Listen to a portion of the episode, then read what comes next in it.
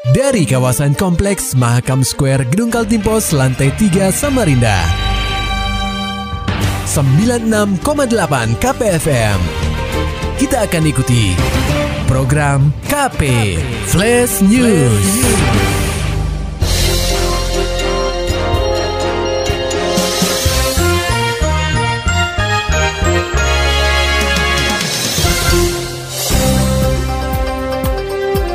Pendengar KP, Komisi Pemilihan Umum atau KPU Samarinda menghapus zona kampanye yang sebelumnya sudah ditentukan. Keputusan menghapus zona kampanye mengacu pada PKPU Perubahan nomor 11 tahun 2020 tentang peniadaan zona kampanye pada Pilkada Serentak 2020. PKPU Perubahan itu mulai berlaku sejak 3 Oktober 2020 silam. Para pasangan calon atau paslon wali kota dan wakil wali kota Samarinda tengah gencar melaksanakan kampanye sejak 26 September 2020. Sebelumnya, KPU Samarinda sudah menyusun dan menentukan tiga zona yang tersebar di 10 kecamatan pada 25 September 2020.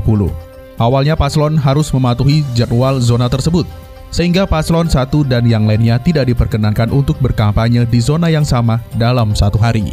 Selain perubahan PKPU nomor 4 tahun 2017 menjadi PKPU nomor 11 tahun 2020, pada 29 September 2020 silam, KPU Samarinda menerbitkan pula PKPU nomor 13 tahun 2020 mengenai aturan tentang pelaksanaan aktivitas kampanye pada masa pandemi COVID-19. Berikut keterangan Komisioner KPU Kota Samarinda, Muhammad Najib. Dalam beberapa petunjuk teknis yang sudah ada menyangkut eh, pemungutan suara, itu nanti simulasi yang terakhir kemarin menyebut akan disediakan bilik khusus bagi yang memiliki suhu badan lebih tinggi dari di atas ambang batas ya. Sejak awal, KPU Samarinda memang meminta paslon untuk memaksimalkan kampanye daring. Namun, jika kampanye daring tak bisa dilakukan, maka paslon bisa menggelar tatap muka terbatas yang dibatasi hanya untuk 50 orang. Sembari tetap mengutamakan protokol kesehatan. Sementara itu pendengar KPFM, PWI, AJI, dan IJTI Kaltim siap kawal kasus dugaan tindakan represif terhadap lima wartawan di Samarinda. Laporannya disampaikan reporter KPFM Samarinda, Maulani Alamin. Pendengar KP, tindakan represif yang dilakukan oknum polisi terhadap lima wartawan di Samarinda terjadi pada Kamis 8 Oktober 2020. Persatuan Wartawan Indonesia PWI Kaltim, Aliansi Jurnalis Independen AJI Kota Balikpapan, dan Ikatan Jurnalis Televisi Indonesia atau IJTI Kaltim mengecam perbuatan itu. Wakil Ketua Bidang Pembelaan Wartawan PWI Kaltim Abdurrahman Amin mengatakan, Perbuatan yang dilakukan oknum polisi tersebut adalah bentuk pelanggaran undang-undang pers. Apa yang terjadi dan dan dialami oleh teman-teman jurnalis tadi malam saat meliput aksi damai teman-teman mahasiswa di depan kantor Kapolres Samarinda itu kami sangat menyayangkan. Dari laporan yang kami terima, mereka mendapatkan intimidasi dan tindakan represif yang cukup uh, membahayakan bagi pekerja teman-teman jurnalis. Padahal teman-teman ini bekerja dilindungi. Ketua IJTI Kaltim Amir Hamzah menyampaikan hal senada. Dirinya juga mengecam tindakan represif oknum polisi tersebut. Menurut Amir, tugas wartawan dalam proses peliputan mendapat perlindungan undang-undang pers. Pada teman-teman kita, saya berharap bahwa ini pertama dan terakhir dan tentunya ini harus diselesaikan secara tuntas persoalan ini. Ada langkah lain yang diambil? Langkah lain uh, kita serahkan kepada para korban bagaimana langkah baiknya. Yang jelas IJTI ikut prihatin dan ini kita akan apa yang dilakukan teman-teman kita akan dukung.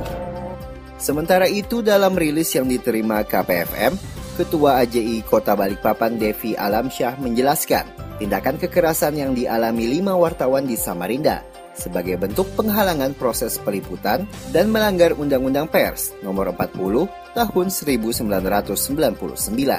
Diketahui bahwa lima wartawan yang diduga mengalami kekerasan fisik di antaranya adalah Yuda Almerio, wartawan IDN Times, Samuel Gading, wartawan Lensa Borneo ID, Faisal Alwan Yasir, wartawan Koran Kaltim, Mangir Anggoro Titiantoro, wartawan di Sway Kaltim, dan Apriskian Tauda Parulian, wartawan Kalimantan TV. Kejadian ini bermula saat kelima wartawan tersebut sedang meliput aksi demo yang menolak Omnibus Law UU Cipta Kerja di Samarinda. Lokasi peliputan berada di depan Mako Polresta Samarinda, Jalan Slamet Riyadi. KPFM Samarinda, Maulani Al-Amin melaporkan. Pendengar KP didampingi Aliansi Jurnalis Independen atau AJI dan Persatuan Wartawan Indonesia atau PWI Kaltim, lima jurnalis yang diduga menerima tindakan represif oleh oknum polisi melapor ke Propam Polresta Samarinda. Bersama penasehat hukum dari Jaringan Advokasi Masyarakat atau JAM, kelima wartawan tiba di Mako Polresta Samarinda, Jalan Selamat Riyadi Sabtu 10 Oktober 2020. Lima wartawan ini melapor setelah diduga mendapat perbuatan tak diinginkan ketika meliput aksi demo penolakan UU Cipta Kerja pada Kamis 8 Oktober 2020. Menurut pengacara lima wartawan, Sabir Ibrahim, pasal yang digunakan untuk kasus ini adalah pasal 18 Undang-Undang Nomor 40 tahun 1999 tentang pers, Jungto pasal 335 ayat 1 KUHP tentang kekerasan dan Jungto pasal 351 ayat 1 KUHP tentang penganiayaan. Memang ditujukan ke Propam karena memang uh, di khusus untuk aparat uh, kepolisian itu memang ada bidang yang menangani Siap. Uh, bagi oknum kepolisian yang ketika misalnya melanggar uh, kode etik atau pidana umum itu mereka yang menangani begitu. Siap. Kasih Propam Polresta Samarinda Ibda Ribut menyebut bahwa telah menerima laporan tersebut. Dia mengaku bakal memproses laporan itu sesuai aturan. Nah, yang yang jelas kan kita gini, semua tetap kita kita BAP dulu kan semua kan gitu loh. Kalau memang ibaratnya oh, ada permasalahannya ini tergantung nanti dari pihak pelapor kan gitu loh. Ah, ah. Nah, kalau emang kita kan misalnya ada tindakan disiplin kita lakuin kan gitu loh mas. Sementara itu, Koordinator Aji Balikpapan Biro Samarinda Noviatul menuturkan, Aji siap mengawal kasus ini hingga tuntas. Pendengar KP, lima orang wartawan di Samarinda diduga menerima tindakan represif dari oknum polisi saat hendak meliput aksi mahasiswa di Mako Polresta Samarinda, Kamis 8 Oktober 2020. Tindakan ini bermula saat terjadi keributan antara petugas kepolisian dengan beberapa mahasiswa yang mengaku dari Lembaga Bantuan Hukum atau LBH, di mana mereka memaksa untuk masuk melihat beberapa rekannya yang diamankan. Kapolresta Samarinda Kombes Polisi Arif Budiman menerangkan, saat itu anggotanya sedang melakukan rapid test dan tes urin kepada 12 orang demonstran yang diamankan. Saat itu juga terjadi adu argumen antar pihaknya dan masa yang mengaku dari LBH. Tiba-tiba ada kesalahpahaman mungkin ya antara polisi dengan uh, mereka yang mengaku sebagai kuasa hukum yang mau mengeluarkan rekan-rekannya yang kita datakan ini. Intinya adalah bahwa kami tidak punya maksud untuk uh, memukul apalagi menginjak-injak. Enggak, enggak ada. Itu gelap ya. Uh, saya juga akan cari tahu siapa anggota itu. Mungkin dari rekan-rekan wartawan disangkanya salah satu orang yang menjadi biang yang di luar itu kan. Mungkin itu Arif menjelaskan pihak kepolisian tidak bermaksud untuk melakukan pemukulan ataupun menginjak-injak kerumunan yang ada di depan Mako Polresta Samarinda. Mungkin saja terjadi kesalahpahaman sehingga hal ini bisa terjadi. Meski begitu, Arif menegaskan bahwa tidak ada anggotanya yang ikut terlibat melakukan tindakan represif tersebut. Jika ada yang merasa dipukul, Arif meminta mereka untuk melaporkan langsung kepada dirinya untuk memastikan kebenarannya. Mereka, kalau laporan dari mereka, anak buah saya tidak ada yang melakukan pemukulan. Ya, nanti kalau ada yang dipukul, tolong yang dipukul itu bisa ke saya. Ya saya mau lihat langsung apakah betul mereka kena pukul atau bagaimana. Ya kita harus lihat langsung ya. Tidak boleh mengandang-andang. Terlepas itu kami sebagai manusia biasa tentunya mohon maaf apabila ada tindakan kami yang di luar kemanusiaan ataupun di luar daripada garis-garis tugas pokok kami saya tidak ada saya yakin teman-teman dari polisi tidak ada maksud untuk melukai rekan-rekan. Harif mengatakan terlepas dari hal itu, pihaknya sebagai manusia biasa tentunya memohon maaf jika ada tindakan pihaknya yang di luar kemanusiaan dan meyakini bahwa polisi tidak bermaksud untuk melukai masa aksi serta wartawan saat unjuk rasa berlangsung. Sementara itu pendengar KPFM setelah menerima sanksi penutupan sementara selama satu pekan, tempat hiburan malam atau THM dan karaoke di kota tepian mulai beroperasi kembali sejak Jumat 9 Oktober 2020. Pemkot Samarinda sendiri sepakat tidak memberikan perpanjangan waktu dan memperkenankan tempat yang termasuk dalam kategori THM dan karaoke untuk beroperasi. Keputusan ini sangat disambut baik oleh para pengelola THM dan karaoke.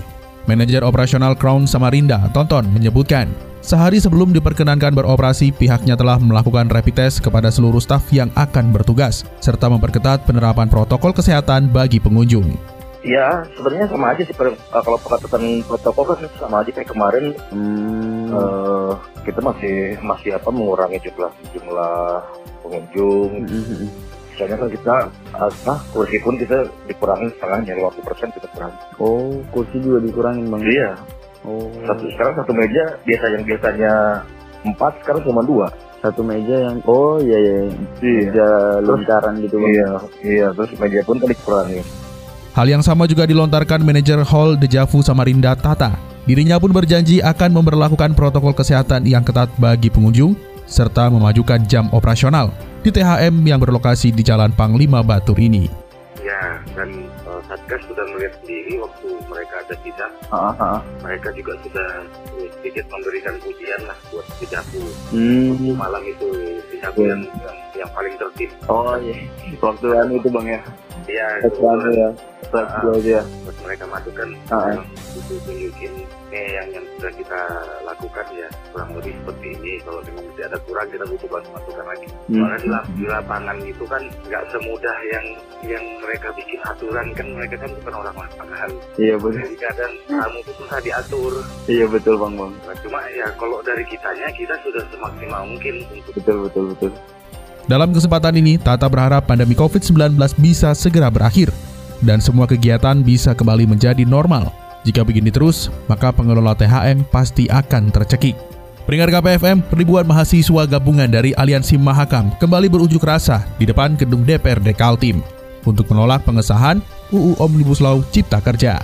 Laporan selengkapnya akan disampaikan oleh reporter KPFM Samarinda, Muhammad Nur Fajar. Pendengar KP, Aliansi Mahasiswa Kaltim Menggugat atau Mahakam kembali melaksanakan unjuk rasa di depan gedung DPRD Kaltim untuk menolak pengesahan undang-undang atau UU Omnibus Law Cipta Kerja pada Senin 12 Oktober 2020. Humas Aliansi Mahakam, Elga Bastian menuturkan, tuntutan pihaknya masih sama yakni meminta pemerintah untuk bisa mencabut Undang-Undang Omnibus Law Cipta Kerja melalui mekanisme yang sesuai dengan undang-undang. Kalau tuntutan hari ini masih sama dengan aksi-aksi kemarin, kami kami meminta untuk Omnibus Law dicabut dan kami juga mengupayakan untuk uh, Ketua DPRD Kaltim dan Gubernur Provinsi Kaltim menyepakati dan ikut membersamai dari tuntutan kami dan mengultimatum DPR RI dan mendesak Presiden untuk mengeluarkan Perpu sesegera mungkin. Elga membeberkan, pihaknya juga meminta kepada Ketua DPRD Kaltim bersama dengan Gubernur bisa hadir untuk bersama-sama menyuarakan penolakan terhadap Undang-Undang Omnibus Law Cipta Kerja yang disahkan pemerintah pusat. Kalau kami, uh, kami juga tidak ada upaya-upaya untuk membuat kerusuhan dan juga kami meminta untuk DPRD sesegera mungkin mendatangi kami dan berdialog bersama kami untuk menyepakati apa yang memang menjadi tuntutan kami begitu. Tapi eh, tidak ada tidak ada niat untuk eh, merusuh, tapi hanya ingin minta ada perwakilan yang Iya. datang gitu. Iya, tidak ada niat untuk merusuh dan hanya eh, kami membuka ruang dialog bersama dengan pihak DPRD Kaltim. Wakil Ketua DPRD Kaltim Muhammad Samsun sempat menemui masa aksi untuk mendengarkan aspirasi mereka. Hanya saja, masa aksi memaksa politisi PDIP tersebut untuk menyampaikan pendapat di mobil komando, sehingga hal tersebut tidak bisa dipenuhi oleh Muhammad Samsun. Berdasarkan pantauan KPFM di lapangan, situasi di depan gedung DPRD Kaltim masih tetap kondusif sampai saat ini. Masa aksi pun berjanji tidak akan melakukan tindakan anarkis guna menghindari bentrokan dengan aparat kepolisian. KPFM Samarinda, Muhammad Fajar melaporkan. Maulani Alamin, Muhammad Nur Fajar, KPFM Samarinda. Serta dapatkan berita-berita selengkapnya di www.968kpfm.co.id.